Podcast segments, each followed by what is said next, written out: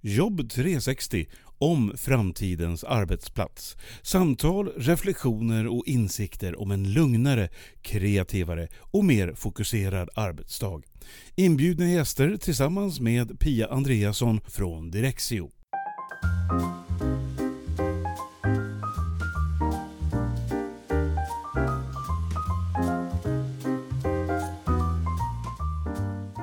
Det nya hybrida kontoret, där finns det väldigt mycket tankar och åsikter som cirkulerar just nu. Vi har varit med om en pandemi, man ska tillbaka till kontoret, men vad betyder det egentligen? Den tråden har jag haft uppe några gånger i podden och här kommer den igen. Den här gången pratar jag med Henrik Byström. Han har jobbat väldigt mycket med de här frågorna även bakåt i tiden och har en hel del bra att säga också framåt. Så välkommen att ta en ny tugga av tankarna kring det nya hybrida arbetssättet och välkommen till Jobb 360.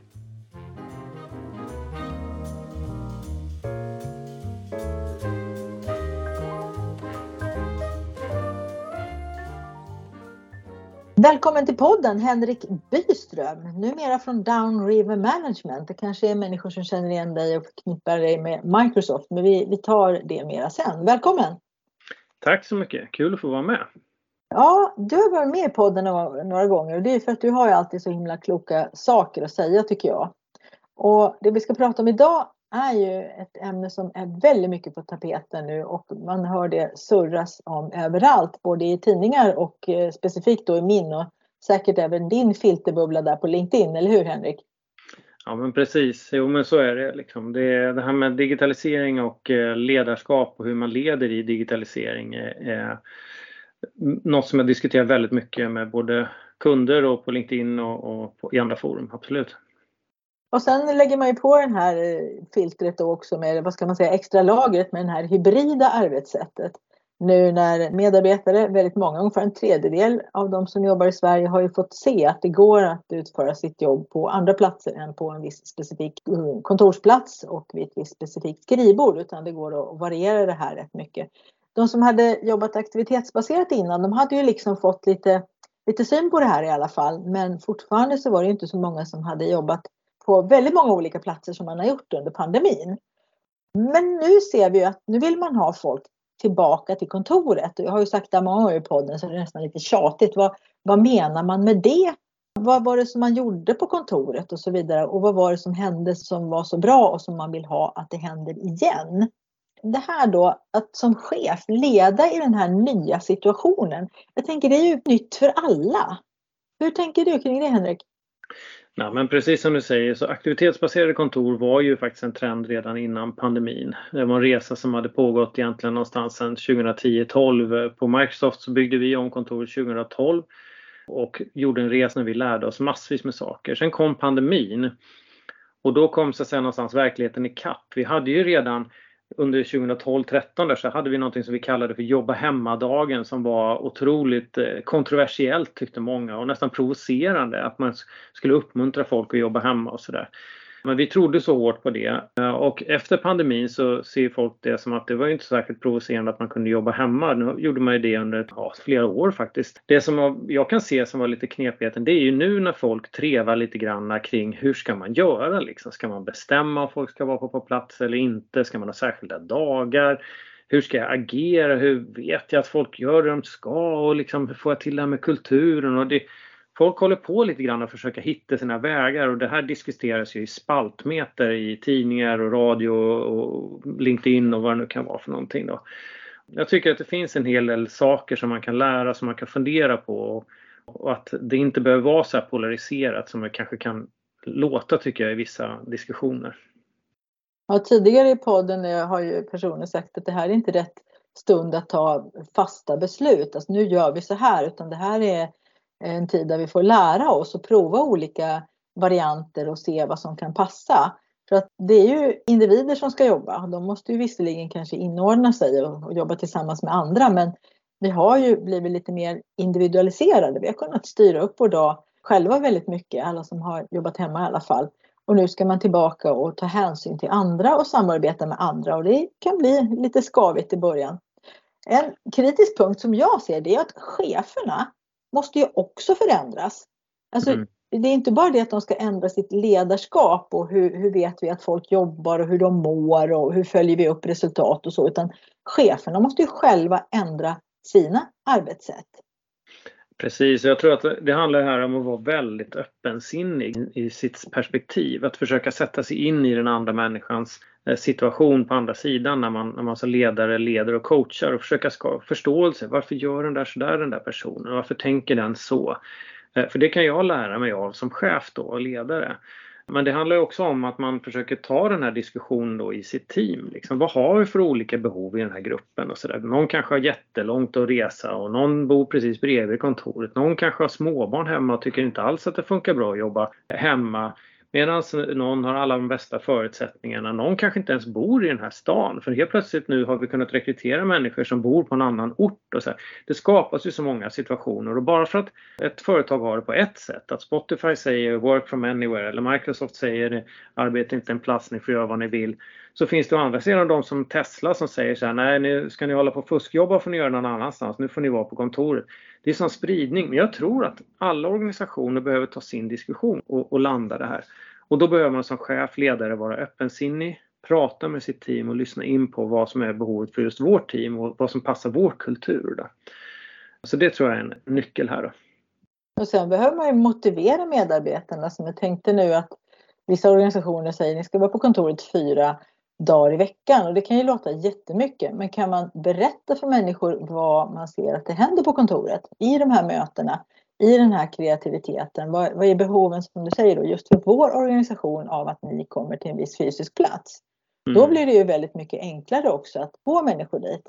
Där tänker jag man måste börja i rätt ända. Man kan ju inte börja med att säga ah, nu ska ni tillbaka till kontoret fyra dagar i veckan. Så ska det vara. Det tycker jag är fel ända. Vad tänker du? Nej, men det, jag tror inte man ska ha de där åsiktsbaserade besluten för att eh, det, jag tror att man själv måste utmana sig själv och verkligen prata med sitt team om vad man vill. Och där behöver man vara väldigt empatisk som ledare. Att vara väldigt nära. Det ställs högre krav på att man agerar i ett empatiskt ledarskap nu än vad, vad det gjorde förut. Vi behöver vara närmre, vi behöver förstå mer om våra medarbetare eh, och vad de behöver. Men det är inte bara ledarna som behöver vara mer empatiska utan också medarbetarna. För medarbetarna kan också ha liksom sitt perspektiv. Det finns väldigt mycket raljanta toner om att säga ja nu har vi bestämt så här, så här på vårt företag och det tycker inte jag och några i vår grupp tycker att och så här. Och då tycker jag liksom här är vi ett lag som behöver snacka med varandra istället för att hålla på med den typen av samtal så är det bättre att vi försöker ta ett snack och prata med varandra om vad som är nyckeln till våran framgång då. Och här kan ju också då cheferna så att säga leda med exempel i att man visar hur man gör, man bjuder in till de här samtalen och man coachar folk att verkligen lyssna och lära sig. Ja, det där som du säger att vara empatisk och visa hur man gör. Det handlar inte om att chefen måste veta och förstå och kunna leda in i minsta detalj utan det handlar om att som chef visa att det här är lika nytt för mig som för er. Jag försöker också hitta de bästa vägarna i det här och att inte se det som en svaghet att man inte i alla lägen vet hur någonting ska lösas utan ta stöd i teamet och fånga upp deras idéer och tänka till kring alla förslag som kommer. Det är lätt hänt att man som chef tror jag bara vifta bort förslag och tänka, ja, jag får tänka på det där sen, vi har så mycket nu, idag måste jag lösa det här, det här, det här. Som du är inne på, där, bromsa upp lite grann och, basera det på teamet och teamets erfarenheter. Någon kanske har väldigt bra idéer inom ett visst område som du som chef inte alls hade tänkt på. Mm. Då ska man ju vara ödmjuk och kunna fånga det. Och, just den här, det här med hybrida arbetssätt och så här, det är ju ett resultat av den digitala transformationen som liksom pågår samtidigt. Men den är ju mycket bredare också än bara frågan om vilken plats vi ska jobba på. Det finns ju så otroligt många andra aspekter av digitalisering som man som ledare också ska ta hand om parallellt här. Liksom, där man också måste leda som exempel med hur vi, hur vi tar oss an den här digitala transformationen. Jag tänker på hur man stöttar medarbetare att förändra sina arbetssätt, att ta till sig den, de här eh, tekniska förmågorna som kommer och Eh, hur vi liksom verkligen tar, tar vara på alla de förmågor som finns i tekniken så att vi börjar jobba på ett annat sätt helt enkelt. Eh, och det är en förutsättning naturligtvis för att vi sen ska kunna lyckas med att få till det här nyckeln med hybrida arbetssätt och som, som en del kan tycka är svårt med hybrida workshops, hybrida möten och sånt. Men det bygger på att vi tar till oss den nya tekniken, att vi kan jobba med den. Och sen också att man tar, som du säger, tekniken, att man tar den teknik som finns och har en idé om vad man vill göra med den. En gång för ganska länge sedan så hade ett företag som jag var på identifierat ett problem och det var att personer som var ute på fältet och jobbade, de kunde stöta på flera olika typer av, ja i det här fallet var det ventilationsaggregat. Och då skulle de göra åtgärder där men de kunde inte bära med sig de här tunga instruktionsböckerna som fanns och pärmarna. Och det som hade hänt bakåt i tiden var att de hade ringt en person som var väldigt kunnig som satt inne på kontoret. Och han hade då gått och hämtat rätt instruktioner och eh, de hade tagit det muntligt. Och den här personen på kontoret upptäckte då att det var ju väldigt tidsödande det här. Så hur kan man göra? Och som sagt det här är ett antal år sedan. Så att mitt uppdrag där under en vecka, det var en ganska tråkig vecka måste jag ju säga, men, men det var att eh, skanna alla de där dokumenten och lägga upp dem i en, en, rimlig ordning och sen skulle alla de här ute på fältet då få tillgång till de här handböckerna. För det var alltså historiska saker, det fanns inte att hämta hos leverantören eller någonting sånt utan det här kunde de ju stöta på aggregat som var 20 år gamla, måste fortfarande kunna göra någonting. Så att eh, det fanns i pappersform och jag skannade och la in det och de ute på fältet fick eh, tillgång till det via moln, molnlagring då. Mm. Det var en fantastisk förbättring för dem. Men jag tänkte det var också ett exempel på hur man tar den teknik som man har mm. och så har man en idé om hur kan vi förbättra i vår verksamhet.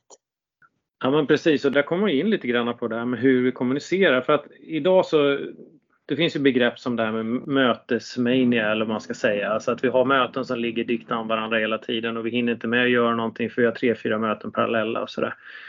Och här tror jag att man som chef också kan eh, faktiskt coacha på ett bra sätt. Att försöka tänka igenom hur ser vi på möten? Att vi försöker ha möten när de verkligen kan göra en skillnad. Att vi har ett möte. Vad är det här mötet till för? Är det ett informationsmöte? Är det ett diskussionsmöte? Är det ett beslutsmöte? Eller är det kanske en kreativ workshop eller sådär?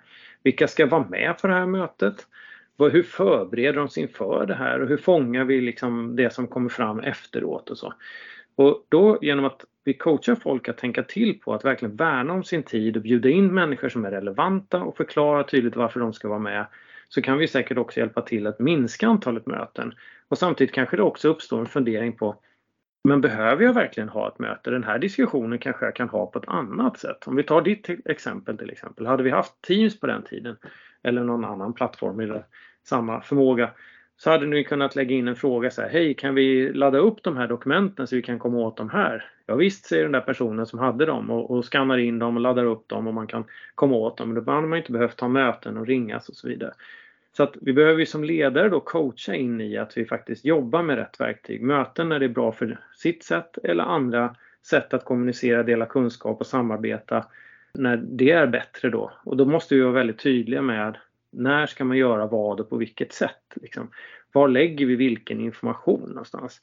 Det där är någonting som jag möter ganska mycket när jag pratar med, med kunder. Att en del mejlar, en del lägger det på Teams, någon lägger det i Jammer och sen har man någon SharePoint-ytor och så, så är det liksom väldigt otydligt här. Och där tror jag att man som ledningsgrupp kan göra företaget eller organisationen en tjänst om man kommer överens om och säger att så här, den här typen av kommunikation, den ska annonseras på jammer. Den här typen av kommunikation, den annonserar vi i team. Eh, den använder vi där. Och den här kan vi använda mail till och så vidare. Så att det är väldigt tydligt och då måste alla följa den. Då funkar det inte sen att någon av ledningsgruppsmedlemmarna fortsätter att mejla fastän vi har sagt att vi ska använda Teams till exempel eller Jam, För då spricker alltihop. Så man har en tydlig kommunikationsstrategi här tror jag är, är väldigt viktigt. Då. Ja, som du säger att alla följer det också. Då måste man ju milt eh, men vänligt eh, och bestämt leda då människor. Det är väl det kanske som cheferna behöver göra nu då, att hitta så här kommunicerar vi, det här är vår gemensamma arbetssätt och sen så också hålla ögonen på så att någon inte tappar det. För att det hör jag också mycket. Jag har jobbat en hel del med bostadsbolag de senaste åren och det eh, är ju intressant. Men det som skiljer då dem kanske från andra företag som är mer kontorsbaserade det är ju att de har människor, väldigt många ute på fältet som sköter om deras fastighetsbestånd och som servar och städar det och möter hyresgäster och så vidare. Och samtidigt så har de också administrativ personal på kontoret och så. Och där kan det ju vara en, en väldig spännvidd i digital mognad. Och där är det ofta en fundering, hur ska vi kunna överbrygga dem? Nu har vi köpt in ett digitalt system här för ärendehantering. Men vi har två personer ute på det området där i bostadsområdet som, som inte vill göra det. Utan då vi lägger ut ärenden åt dem och de har inte förstått att de har fått det. Ja, då inser de ju plötsligt vilken spännvidd det var. Mm. Något som jag brukar tillämpa i alla fall, som kan vara tips till ledare där ute, är ju att försöka sätta sig själv i helikopterperspektiv. Så att man flyttar upp sig själv en stund, sätter sig någon timme och funderar på hur ser min tillvaro ut? Och dels titta på sig själv. Hur agerar jag i förhållande till digitala verktyg?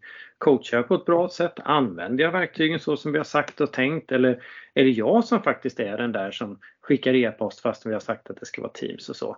Eller är det någonting som jag behöver lära mig mer av? Eller som, som jag kan be någon om hjälp för att lära mig? Eller någonting som jag gör väldigt bra som jag kan dela med mig av? Och sen kan man på samma sätt utvärdera sitt team då och se hur ser mina medarbetare? Är det någon medarbetare som gör det här väldigt bra som jag i så fall borde uppmuntra och säga så här, Gud vad du gör det här bra. Det får du gärna fortsätta med och ta, stötta gärna andra och vad är ditt nästa steg som du ser för att du ska utvecklas ännu mer för digitalisering? Och sen någon annan då som man känner, mm, den här personen kanske har halkat efter eller har lite större utmaningar. Varför är det så? Fråga den personen och se fråga hur den, man kan få den att lyfta sig då och vilka, vad det är för den behöver för stöd då för att den ska kanske kunna ta ytterligare ett steg då. Eh, och kanske kan man då knyta ihop de här som är duktiga ambassadörer med de som behöver lite extra stöttning och sånt där. Men då måste man få tid att göra den här analysen av var står jag någonstans och sådär och inte bara springa från nästa till nästa till nästa aktivitet i vardagen utan att man tar sig tid att göra den här helikopteröversynen på sig själv och sitt team och sina arbetssätt. Ja, du berättade att ni på Microsoft hade speciella timmar varje vecka som var avsatta där det var sagt att man skulle använda det för att lära sig saker. Ja. Och det är någonting som jag ofta har sagt i mina kurser också. Godistimmen brukar jag kalla det för. Lägg in godistimmen på fredag eh, före eller efter fikat och det är när du läser den där intressanta artikeln eller, eller skaffar dig intressant kunskap helt enkelt som du känner att du behöver och det skulle ju cheferna också behöva precis som du just sa. Att ja. ha några sådana timmar där man verkligen gör den här reflektionen. Ja, Precis, vi hade ju då, det fanns ju, det kom en kalenderbokning faktiskt från Satya Nadella som är VD på hela Microsoft Corporation och så fanns det en liten blocker där i, i kalendern då som sa att för andra att inte boka in möten då. Men sen var det ju upp till mig om jag valde att, att använda den där tiden till eget lärande eller om jag gjorde massa andra saker. Men det blir en påminnelse om att här har jag en tid avsatt. Mitt företag, min organisation förväntar sig att jag vidareutvecklar mig och fortsätter lära mig. Och då kanske man då har kommit fram till att de här sakerna behöver jag bli bättre på. Och där kan man ju då komma in också som man som chef kan använda eh, och coacha medarbetarna att faktiskt dela med sig av sin kunskap då. Om jag nu har suttit och så har jag lärt mig någonting. Jag kanske har tagit en, någon onlinekurs eller jag har läst något intressant dokument eller jag har vad jag nu har gjort. Då kan jag ju faktiskt dela med mig det i vår Teams-kanal och säga det att så här, hörni, jag läste det här superintressanta. Så här, det tror jag kan vara jätteintressant för er som gillar det här, det här. Och då kanske det finns folk som klickar like och tycker att så här, åh tack vad bra att du delade det här och så skapar man en kultur av att vilja dela med sig och också visa på vikten av att, lära sig. Andra håller på att lära sig, då borde jag nog också försöka göra, använda min timme eller vad det nu är. Det där får mig att tänka på att jag nu efter pandemin här har jag varit ute några gånger och haft kurser på plats. Det är vissa kunder som säger Pia vi vill att du kommer och åker till oss fysiskt. Och det är ju alltid jättekul. Mm. Eh, och en sak som kunde hända i kurser förr i tiden, före pandemin och nu även efteråt då, då när man träffas fysiskt, det är att jag berättar om någonting. En funktion i något av programmen som kan bidra till, ja, i mitt fall då bättre koll och mindre stress och så vidare för varje medarbetare. Och så säger några stycken så här, ja men det där gör jag redan och det funkar jättebra, jag gör så här. Åh vad intressant säger jag. Och så sitter en kollega bredvid, hur, hur, hur sa du att du gjorde sa du? Och så ser man hur den kollegan lutar sig mot den första kollegans dator och den, de lutar sig mot varann och de börjar peka på varandras skärmar. Och, och då har jag gjort så att jag håller tyst helt enkelt. Då får alla andra se i rummet att här sitter det nu två kollegor och gör just precis det som du sa att vi behöver göra. Mm. Nämligen man hämtar idéer från varann och hjälper varann och så. Sen brukar jag fråga efter någon sån här 30-40 sekunder, hur går det? Får du ordning på det? Och då brukar den här personen som inte visste det här innan titta upp och le förtjust. Ja, precis, nu, nu, nu fattar jag. Och då säger jag, ja men då Anders, då kan ju du eh, kolla med Cecilia sen då om du vill ha mer hjälp sen efter kursen. Så går jag vidare här nu. Och de ser väldigt glada ut båda två. Och resten av gänget också ser lite så här, hmm, är det så man kan göra? Okej, då vet vi det. Cecilia, hon kunde det där. Och så har liksom kunskapen och tankarna om vad man kan använda det här till satt sig fast i den här gruppen. Det, det, är bland det bästa som finns när man utbildar, eller hur? Du har säkert varit där du också. Ja men absolut, precis det du säger också är så viktigt att man som chef då, då uppmuntrar eller ledare uppmuntrar. I det här fallet så var det ju du i din ledarroll som uppmuntrade det. det. Det, här handlar ju om att göra det också i vardagen hos oss i vår, vårt team. Och det kan ju också vara att det sker i digital form. Liksom. Någon berättar någonting när vi sitter på ett 1 till 1 möte och säger men kan du inte dela med dig av det till teamet på, på Teams? Så kan de sådär. Och då är det väldigt viktigt att folk responderar på det här. För om du har en idé på någonting som du kan göra bättre eller som kan förbättra kvaliteten i det ni levererar eller som sparar tid eller minskar kostnader, ökar förmåga eller vad det är. Som kan verkligen skapa verksamhetsvärde eller kunskap eller vad det nu är så behöver vi andra engagera oss och säga Gud vad bra, tryck like, eh, kommentera, säg nu har jag provat och lärt mig det där också eller jag, har, jag vill gärna vara med och jobba vidare på den där idén. Så att vi får den här kulturen och det är jätteviktigt att vi som ledare uppmuntras till engagemang. För gör man inte det, då kommer det att dö istället. Folk som delar med sig av idéer och det är bara helt tyst. Då känner man så här, det här var inget roligt, här kom jag med värsta gjorde jag bort mig nu? Eller hur? Det här kanske inte, det kanske var lite fel. Och så blir man lite räddhågsen av sig i att, att vilja engagera sig. Och det där kan faktiskt inte bara kväva engagemanget från den individen utan kväver ju från hela gruppen. För andra ser ju också att där postade Pia en idé men det var ingen som svarade på den. Så det, då vill nog inte jag heller göra någonting för det verkar inte som att det är så man gör här riktigt. Så det måste vi uppmuntra som ledare, liksom att dela med oss. Ja, det behövs ju så lite också för att man ska tystna. Det räcker med att man som du säger, man säger en idé och så blir det lite tyst. Det kan ju räcka för att göra någon osäker och sen så mm. säger man inget mer. Så att som chef behöver man ju verkligen vara på tå där och uppmuntra allting.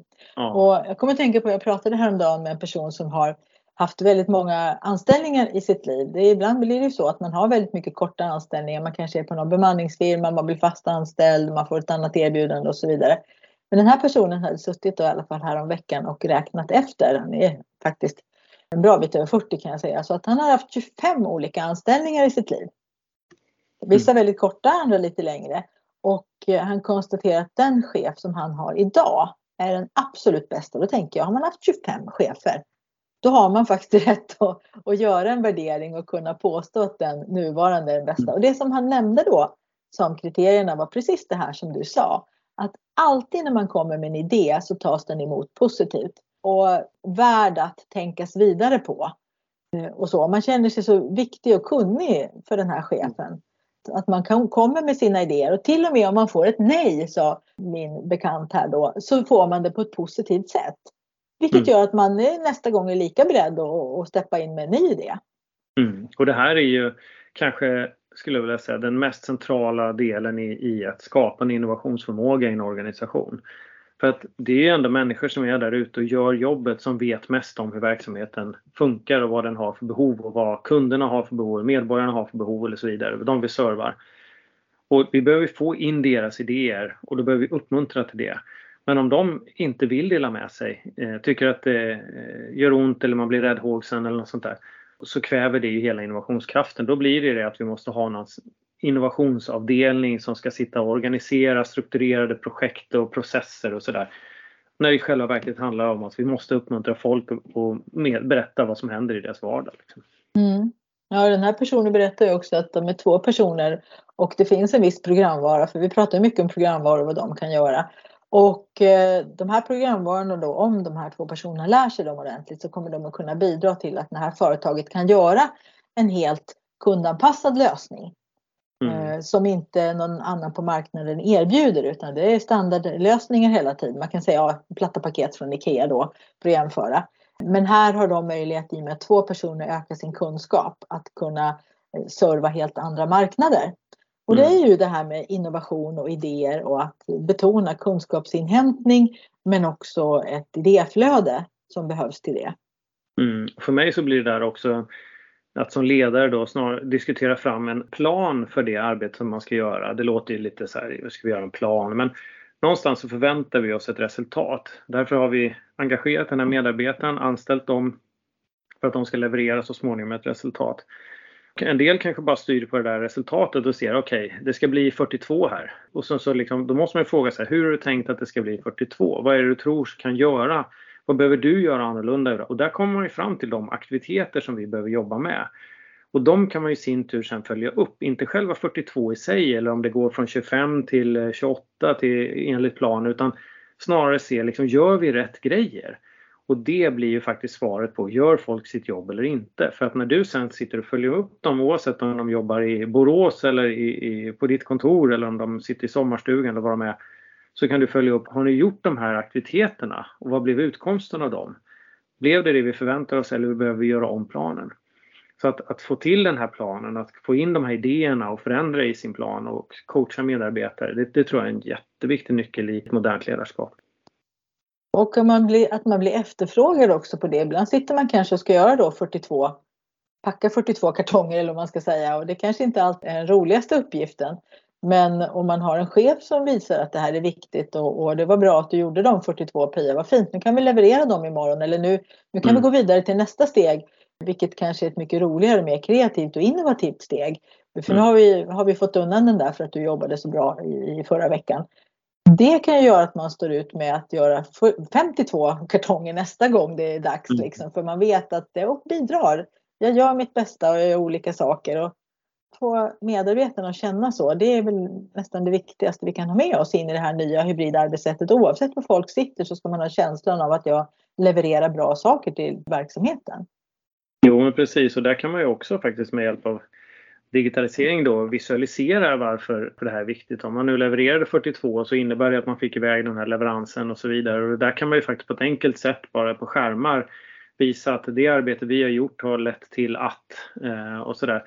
Och då kan man säga att det är väl inte alla som går igång på att nu ökade vi vår omsättning med 10% eller vi sparade kostnader med sig så. Utan då måste man förstå helheten att de här sakerna tillsammans gjorde att vi kunde åstadkomma det här. Vi kunde göra de här roliga grejerna eller fick en bonus eller vad det nu är för någonting. Eller våra kunder blev nöjda eller något sånt där. Så man förstår sammanhanget. Men då kan man ju enkelt visualisera det här faktiskt i olika kurvor i rapporter och sånt där som, så folk ser liksom att eh, tillsammans som lag så jag packade mina 42 någon annan packade sina 42 och tillsammans har vi fått iväg en hel mängd med leveranser. Ja, det tänkte jag faktiskt också kolla med dig Henrik. För att digitalisering, att mäta, att se vad som har hänt och, och vad som, hur det ser ut framåt. Det är också någonting som man kan få hjälp av digitala redskap ja. med. Och jag tänkte höra med dig lite mer specifikt. Kan cheferna nu i det här nya hybrida arbetslandskapet, hur kan de ta stöd av digitala redskap för att få få veta saker om verksamheten som man kanske förut fick i möten. Man satt och pratade och man hörde vissa saker, fick vissa saker på mail och vissa saker hade man liksom satt upp fingret i luften och kände efter lite. Men nu finns det ju digitala redskap som kan, som kan ge basfakta. Jo men det gör det ju. Jag menar, man har ju pratat om det här med datalager och sånt där länge och, och liksom för mig så när jag var chef på Microsoft till exempel så var ju att få den här typen av rapporter i Power BI då var för mig en ovärderlig kunskapskälla. Och, och vad är Power BI för något? Alltså en visualisering av data i form av olika typer av grafer eller bilder eller kartor eller sådär som kunde göra att jag kunde se liksom hur ser utvecklingen ut på försäljningen eller hur ser det ut med transporten förhållande till där vi står idag mot något, något scorecard metric som vi hade. Eller det kan ju vara att man kan se visualiserat i kartor på hur ser det ut i en viss region versus andra och sådär. Så att jag på ett enkelt sätt kan få upp att här funkar det bra, här ligger vi efter.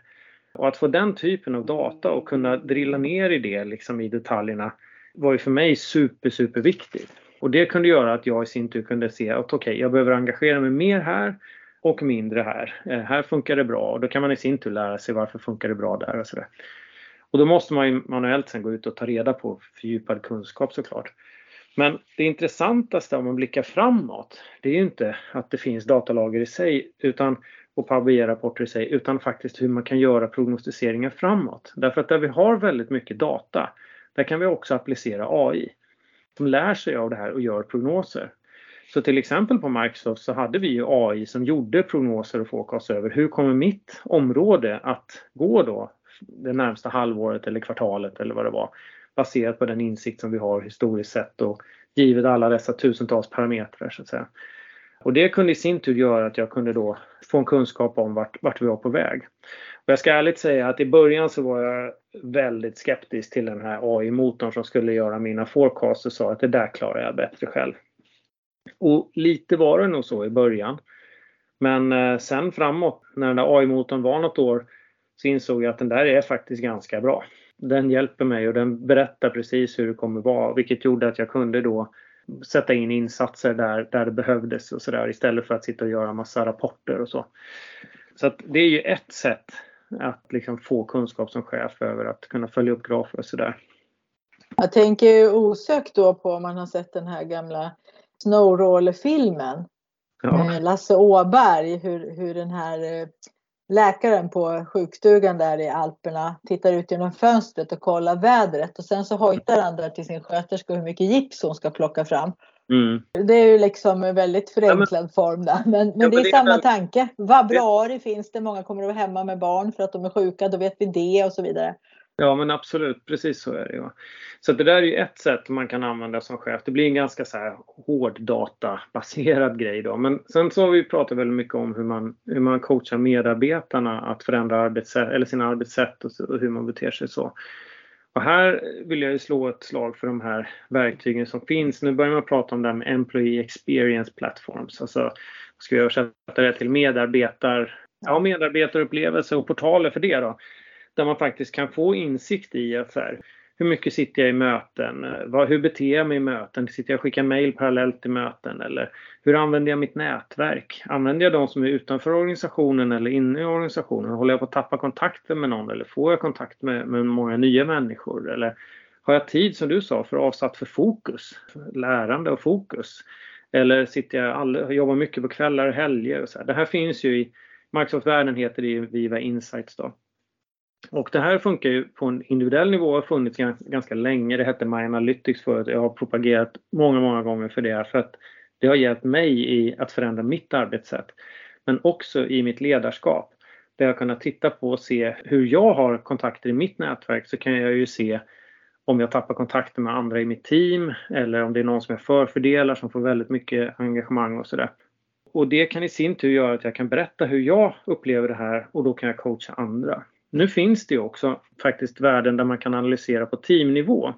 Inte så att man kan se liksom att ja, Pia hon är så här och Kalle är så och så vidare utan att man kan se på team, hela gruppen och se jobbar vi mycket på helger och kvällar eller har vi tid avsatt för fokustid eller sitter vi mycket internmöten eller externmöten och, och hur jobbar vår organisation med resten av den övriga världen och sådär. De här insikterna kan man få på teamnivå vilket i sin tur kan göra att jag kan coacha och säga till våra team, vet ni vad? Jag vet att vi sitter rätt mycket i interna, team, interna möten. Borde vi inte försöka vrida om det till att få mer externa? Hur kan vi göra det? Så kan man liksom börja coacha i det. Så det tycker jag är ett, ett fantastiskt bra verktyg att kunna använda det både då på individnivå men också på grupp, organisation, teamnivå. Liksom. Som du sa förut, du, du tänkte först att du, du, är bättre själv på att kolla upp det där och som chef kanske man tänker att ja men jag vet ju ungefär hur det ligger till. Så, så det där behöver jag inte. Men sen när man börjar använda de här redskapen och titta på dem då kanske man inser att ja, men vänta nu, där var en, en sak som jag inte faktiskt alls hade sett. Ja. Och det är ju lite det som jag lär vara en individ i mina kurser, att just det här mäta upp tiden, vad gör jag med min tid?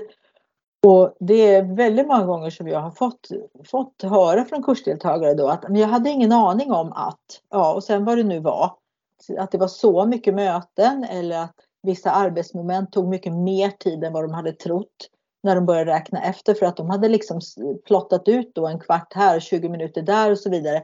Och sen vart det sju timmar i veckan. En mm. hel arbetsdag går ju åt till det här momentet. Det har jag inte fattat förut. Det är därför jag är så stressad med allt annat då för att det här andra hela tiden ligger på och jag känner mig att det ligger efter. Nu vet jag, det tar sju timmar i veckan. Och kan jag ta det på två arbetspass istället så känns det förmodligen mycket bättre. Ja, låter bra det så jag provar det. Och så ibland får jag då, har jag tur att få höra även efteråt att de har provat att göra på det här nya sättet som de själva har räknat ut. Och sen kommer på att det funkade bättre. Så de här insikterna är ju otroligt viktig parameter i det här nya arbetslivet. Ja, och ett bra exempel på AI i vardagen på något sätt är ju de här mejlen man får från Viva Insights. Jag vet inte om du har reflekterat över dem själv, men de brukar komma en gång per dag och sen så står det en liten summering, har du bokat fokustid och sånt där. Men så står det också så här, har du återkommit till Pia? Du lovade att och så står det då i något, utklippt från ett mejl, alltså, då återkommer jag till dig innan den 15. Så här. Och så, ja just det, det hade jag glömt och sådär. Så att AI finns ju i vardagen och det hjälper oss på ett väldigt bra sätt. Men det finns på så många olika dimensioner. Allt ifrån liksom hur vi kan få insikter i större, liksom hur vi coachar ett team till hur jag förändrar min, min vardag eh, i mitt enskilda arbete. Liksom. Så många parametrar i det här med det nya hybrida arbetslivet. Dels att cheferna då behöver inse att de ska coacha sina medarbetare på ett nytt sätt och sen att de själva också behöver anamma ett nytt arbetssätt samtidigt. Och mm. också ta stöd i de här digitala redskapen som finns på plats. I det som du har nämnt och Viva Insights och, och de, om man har de redskapen på plats. Om man inte har det så kan man, tycker jag, titta efter lite grann. Vad har jag som kan hjälpa mig i, form av AI och digitala redskap och börja använda dem. Ja, och även jag vet någonting som eh, du brukar utbilda i Planner bland annat. Eh, alltså att kunna få in då en, en tavla med där vi dokumenterar olika uppgifter som vi ska ta oss an och lägga upp dem, sortera upp dem i olika hinkar och sådär som vi kan hjälpas åt och bocka av dem tillsammans och sådär. Det där finns ju liksom idag på ett väldigt bra sätt för ett team att se, jobbar vi igenom de aktiviteter som vi har kommit överens om? Och förlängningen på det där är ju också att man behöver se varför gör man det här? Är, att kunna få en bild, målbild tydligt beskriven. Och liksom, där kommer det ju också väldigt mycket enklare och bättre verktyg som kommer nu runt hörnet här med bland annat det som heter Viva Goals då från Microsoft. Men det finns ju andra verktyg också men som tydlig, visualiserar på ett väldigt tydligt sätt. Vad är det vi har för mål i organisationen?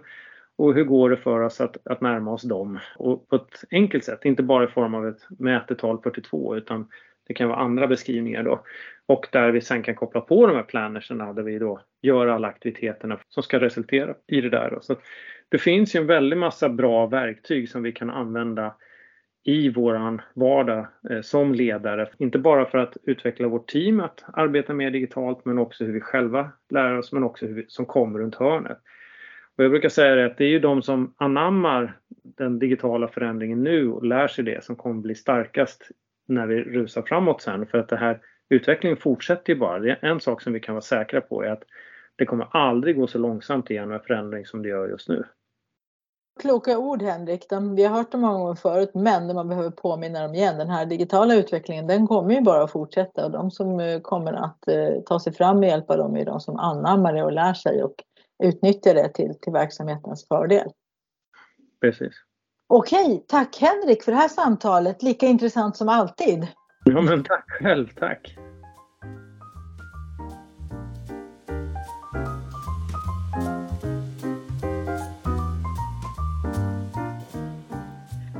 En kultur av att dela med sig, ge respons, generera idéer och uppmuntra varandra. Det nämnde Henrik som viktiga faktorer. Och sen också den här tiden för eget lärande att inte missa den viktiga tiden utan uppmuntra och coacha sina medarbetare och sig själv att hela tiden lära nytt, undersöka möjligheter och testa nya vägar.